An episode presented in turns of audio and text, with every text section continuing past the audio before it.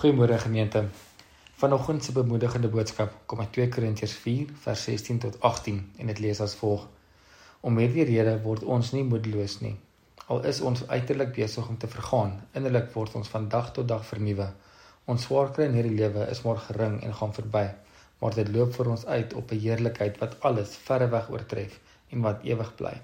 Ons oog is nie op die sigbare dinge gerig nie, maar op die onsigbare, want die sigbare dinge is tydelik, maar die onsigbare is ewig. Ons is reeds so wat 2 weke in hierdie nuwe jaar in en reeds het hierdie jaar vir soveel mense sleg begin en voel dit of dit 'n lang en moeilike jaar gaan wees.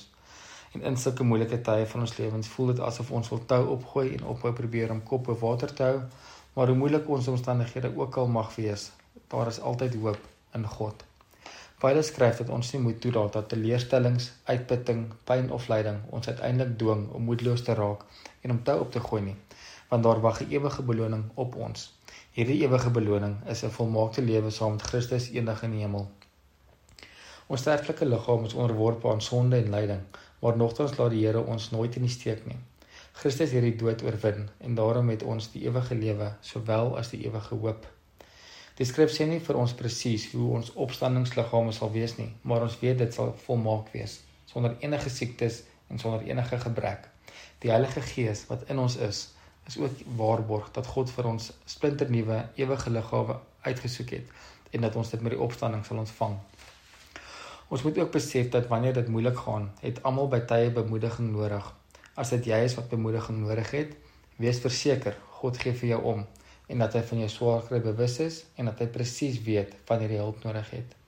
Maar maar soms laat God jy swaarkry in jou lewe toe om jou toe te rus om ander in hulle swaarkry te help en by te staan. In 2 Korintiërs 1:4 getuig Paulus: In elke moeilikheid help hy ons. Daarom kan ons ook weer ander help wat in allerlei moeilikhede verkeer. Ons kan hulle bemoedig met dieselfde bemoediging waarmee God ons bemoedig. Ons as 'n gemeenskap van gelowiges is dus in die bevoordeelde posisie om mekaar te hê in moeilike tye, om mekaar te help en by te staan sodat ons nie alleen deur moeilike omstandighede hoef te gaan nie. Mense wat Christus nie ken nie, het niks om aan vas te klou nie, behalwe hulle eie hopeloosheid. Om op te hou hoop is dus om op te hou lewe. Wanneer jy swaar kry, wil God jou met sy liefde omvou. Wanneer jy stikkend is, wil hy jou heel maak. Maar God vra van jou om deernis te hê met mense wat swaar kry om daar te wees vir sy kinders wat in nood verkeer.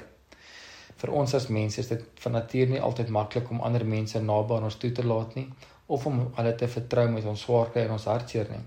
Maar ons moet onthou dat dit God se wil is dat dit ons ander mense sal bystaan en dat hy van ons verlang om jy sy kinders ook by te staan in hulle moeilike omstandighede en te bemoedig.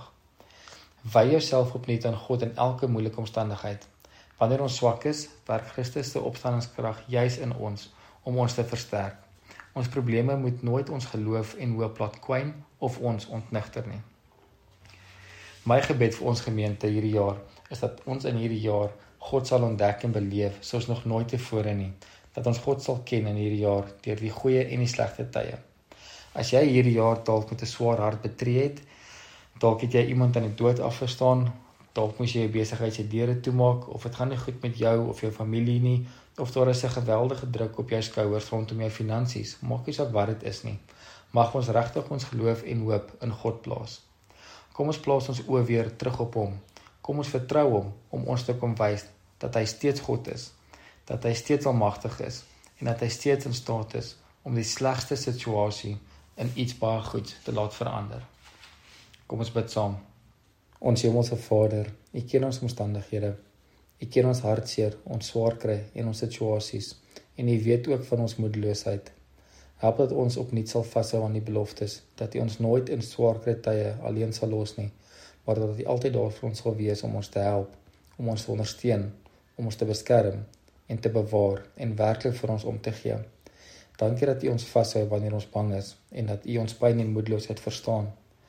Ons vra nederig vir U leiding in hierdie jaar wat voorlê.